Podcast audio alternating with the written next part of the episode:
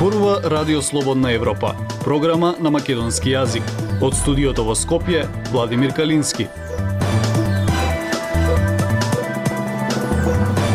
Почитувани ја следите емисијата на Радио Слободна Европа. Рускиот председател Владимир Путин нареди делумна мобилизација во земјата. Русија ќе ги искористи сите средства за да ја заштити својата територија, вели тој. Македонија за сега нема директна закана од Русија, сметаат аналитичари. Иако сиромашна, земјава фрла храна на ниво како развиените земји. Слушајте на. Актуелности свет на Радио Слободна Европа. Рускиот председател Владимир Путин објави дека подпишал декрет за делумна воена мобилизација во Русија. Путин исто така го предупреди Западот дека Русија ќе ги искористи сите средства што и се на располагање за да ја заштити својата територија. Ова не е блеф, рече Путин. Гоце Атанасо. Рускиот председател Владимир Путин во денешното телевизиско обраќање изјави дека наредил делумна мобилизација во земјата која стартува денеска. Зборуваме за делумна мобилизација, односно само граѓаните кои моментално се во резерва ќе подлежат на воен рок, а пред се оние кои служеле во вооружените сили имаат одредена воена специјалност и соодветно искуство, рече Путин. Ке ги искористиме сите ресурси за да го одбраниме нашиот народ. Западот ги премина сите граници на неговата агресија врз Русија, изјави тој, наведувајќи дека неговата цел е да го ослободи источно украинскиот регион Донбас и оти повеќето луѓе во тој регион не сакаа да се вратат на она што го нарече јарем на Украина. Во своето обраќање Путин го обвини Западот за вклучување во нуклеарна уцена и наведе, без да обезбеди докази, дека високите представници на водечките земји на НАТО наводно дале изјави за можноста за употреба на нуклеарно оружје за масовно уништување против Русија. На оние кои си дозволуваат вакви изјави во однос на Русија, сакам да ги подсетам дека и нашата земја има различни средства за уништување. Во заштитата на Русија и нашиот народ, ние сигурно ќе ги искористиме сите средства што ни стојат на располагање, рече Путин, додавајќи дека тоа не е блеф. Веднаш по обраќањето на Путин, рускиот министер за одбрана Сергеј Шојгу изјави дека најавената мобилизација во Русија ќе офати 300.000 руски резервисти. Тој во интервју за руската државна телевизија додаде дека целата сателитска мрежа на НАТО работи против Русија во Украина. Тој додаде и дека западни команданти во Киев ги воделе операциите против Русија. Обраќањето на Путин доаѓа еден ден откако регионите окупирани од Русија во источна и јужна Украина ги објавија плановите да одржат гласање за приклучување во Русија, што предизвика бес и осуди не само во Киев, туку и кај голем дел од меѓународната заедница. Аналитичарите велат дека напорите поддржани од Кремљ да проголтат четири региони би можеле да создадат терен за Москва да ја ескалира војната по украинските успеси на бојното поле. Референдумите ќе започнат на 23 септември во областите Луганск, Керсон и деломно контролирани од Русија за Порожје и Донецк. Мобилизацијата на Русија беше предвидлив чекор што ќе се покаже крајно непопуларен и нагласува дека војната не оди според планот на Москва, изјави советникот на украинскиот председател Михајло Подолјак. Според него Путин се обидува да ја префрли на Западот вината за започнување на неиспровоцирана војна и за влошената економска ситуација во Русија. Слободна Европа. Следете на на Facebook, Twitter и YouTube. НАТО алијансата прави се за да спречи на тамошна ескалација на војната во Украина. По најавата на Путин за мобилизација на руските резервисти од Македонското министерство за одбрана велат дека Македонија како земја членка на НАТО е безбедна и посветена на одбрана и одвраќање. Пелагија Стојанчова Сигурна и безбедна е земјава, велат од Министерството за одбрана за тоа какви ќе бидат ефектите за нас како земја членка на НАТО по декретот што го објави рускиот председател Владимир Путин за мобилизација на повеќе луѓе во војната против Украина. Москва веќе ја стави Македонија на листата на земји кои вршат непријателски действија против Русија. Од Министерството за одбрана во одговор за Радио Слободна Европа вела дека НАТО сојузниците остануваат посветени на една од клучните задачи на НАТО, а тоа е одбрана и одвраќање. НАТО одбранбена алијанса која не се конфронтира со Русија и прави се да ја спречи натамошната ескалација, се додава во одговорот. Како и многу пати досега, повикавме на разум и на прекин на војните действија кои однеса премногу човечки животи и преголемо уништување. Единствениот пат до конечно и одржливо решение е диалогот кој мора да ја добие својата шанса, одговори од Министерството за одбрана за Радио Слободна Европа. Македонија не е директна закана за Москва, оти кога се води војна има приоритети, а земјава не е еден од нив. Во оваа фаза не се очекуваат директни последици врз земјава од руската инвазија на Украина, но ефекти ќе има, особено ако работите тргнат на полошо, вели професор Методи Хаджијанев. А, колку е опасно за остатокот од Европа, толку ќе биде опасно и за Македонија. И заради тоа сметам дека директна опасност не постои во оваа фаза или во ова во овој вид. Доколку не дај Боже Да се расплантат действата и работите тргнат во насока на која што никој не сака да тргнат, тоа значи дека ќе треба да бидат инволвирани и други страни кои што ќе помогнат на Русија затоа што Русија очигледно сама капацитет нема да пробива фронтови Делумната мобилизација што ја најави Путин беше предвидлив чекор. Со декретот тој покажа дека војната специјална операција во Украина, како што тие нарекуваа, пропадна и мора да преземат дополнителни чекори, додава Хаджијанев. Мобилизацијата ќе ги смени работите на терен и ситуацијата може да ескалира во многу поголем конфликт, додава тој. Рускиот преседател се закани дека ќе ги искористи сите средства што ги имаат, нотирајќи дека имаат различни средства за уништување, некои помодерни од оние кои ги имаат во дечките земји на НАТО, за да го заштити својот народ. Тој е спремен да оди до крај во оваа војна, бидејќи ова е за него битка на се или ништо. Знае дека ако излезе поразен, посебено после сегашната мобилизација, ако излезе поразен од оваа битка или од оваа војна, во тој случај тоа е крах и за Русија.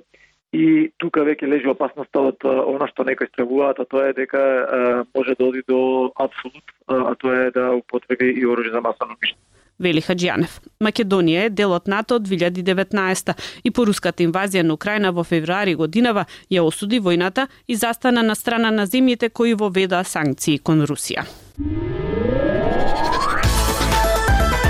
Радио Слободна Европа, светот на Македонија.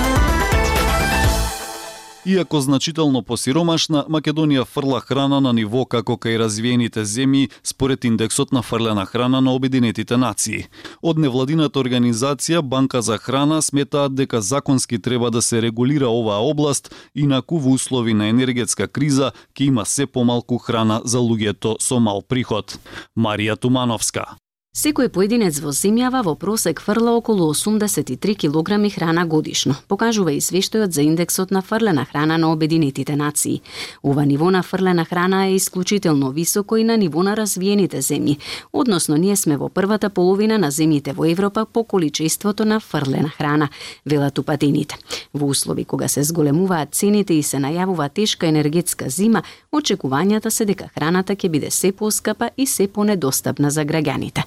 Активистот за социјална правда Здравко Савески вели дека фрлањето храна не е само фрлање на храна, туку фрлање пари и непочитување на трудот на работниците кои ја произвеле. Наједноставните начини како луѓето да се справат со со економската криза и со инфлацијата е да внимаваат повеќе околу храната која ја купуваат. Значи да не купуваат повеќе од она што им е потребно за после тоа да заврши воканта откако ќе им помини рокот и да внимаваат исто така на роковите. Во Македонија не постои законска рамка која го регулира фрлањето храна и неизиното дистрибуирање на унија на кој им е потребна. Нацрт верзија постои, но таа никогаш не стигна до законодавниот дом, велат од организацијата Банка за храна. Председателот на оваа организација Душко Христов објаснува дека од почетокот на кризата бројот на повици на граѓаните кои бараат храна од нив се зголемил за две третини. Ако сме имале 5 до 7 јавувања во текот на една недела да за помош во храна, се имаме над 30, што значи за 5-6 пати се зголеми побарувачката на за, за помош во храна. Од друга страна пак по порастот на цените на горивата, дел од фирмите со кои што соработувала оваа организација почнале да се откажуваат од дистрибуцијата на храна. Пред а, неколку месеци имаме 22 компании, сега бројот е многу помал Вишуците храна од семејни и свадбени прослави или од оброците во градинките, училиштата, болниците и други институции вообичаено не се донираат во банката. Вели Христов, оти за тоа треба да има соодветни прибори за чување на храната, за кои банката нема доволно средства да ги купи. Од компанијата Далма, која се занимава со гостителски услуги и организација на кетеринг, велат дека во просек месечно им остануваат по околу 2% вишок храна.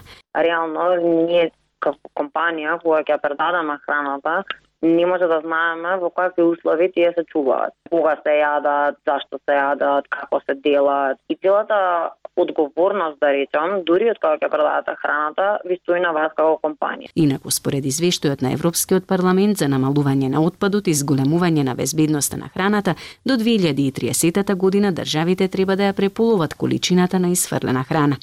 Ситуацијата е неповолна речиси во сите држави, а и во Европската Унија, каде што според Евростат, околу 23% од населението е изложено на ризик од сиромаштија или социјална исклученост, додека во исто време се фрлаат околу 88 милиони тони храна. Култура и уметност на Радио Слободна Европа.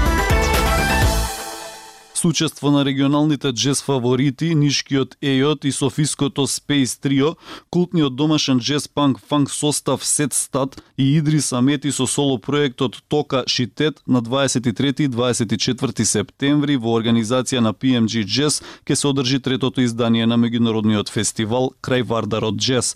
За фестивалот со Владан Дробицки разговара Љупчо Јолевски.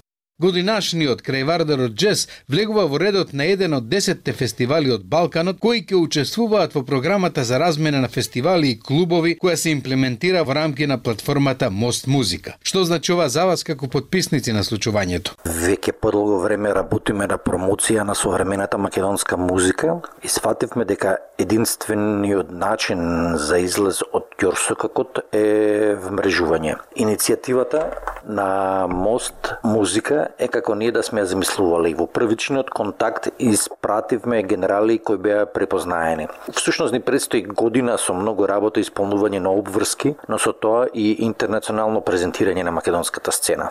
Колку овој факт ќе влијае врз креирањето на програмата на фестивалот? Да бидам искрен, се уште го бараме идентитетот на фестивалот. Имавме извонредни минати изданија, но во услови на пандемија.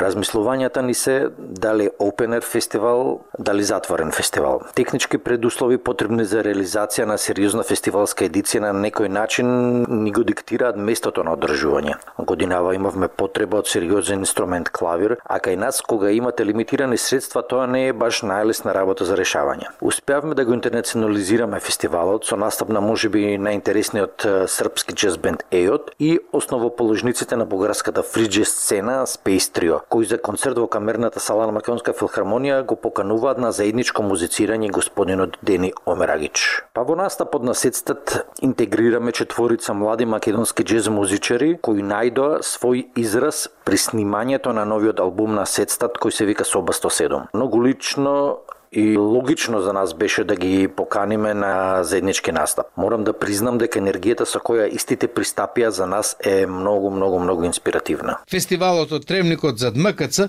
во условно новиот термин, средината на септември, влегува во филхармонија. Дали овој факт говори за зголемените амбиции во однос на идниот раст на манифестацијата? Каде во иднина ке среми крај Вардарот Джес? На ова прашање конкретен одговор немам. Најверојатно Тревникот во некое идно време ќе го инкорпорираме назад. Свативме дека амбицијата за раст не тера да подобриме некои инфраструктурни елементи кои со сегашниот буџет не е возможно да ги сработиме квалитетно, а при тоа да останеме надвор.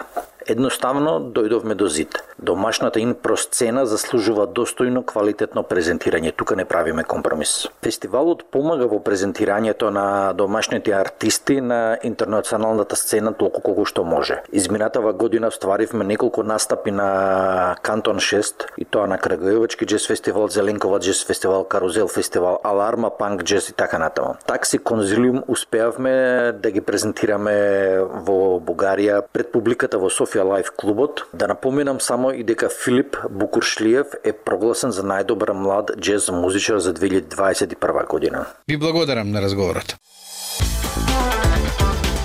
Почитувани слушатели, тоа е се што ви подготвивме во оваа емисија. Од студиото во Скопје ве поздравуваат Владимир Калински и Дејан Балаловски.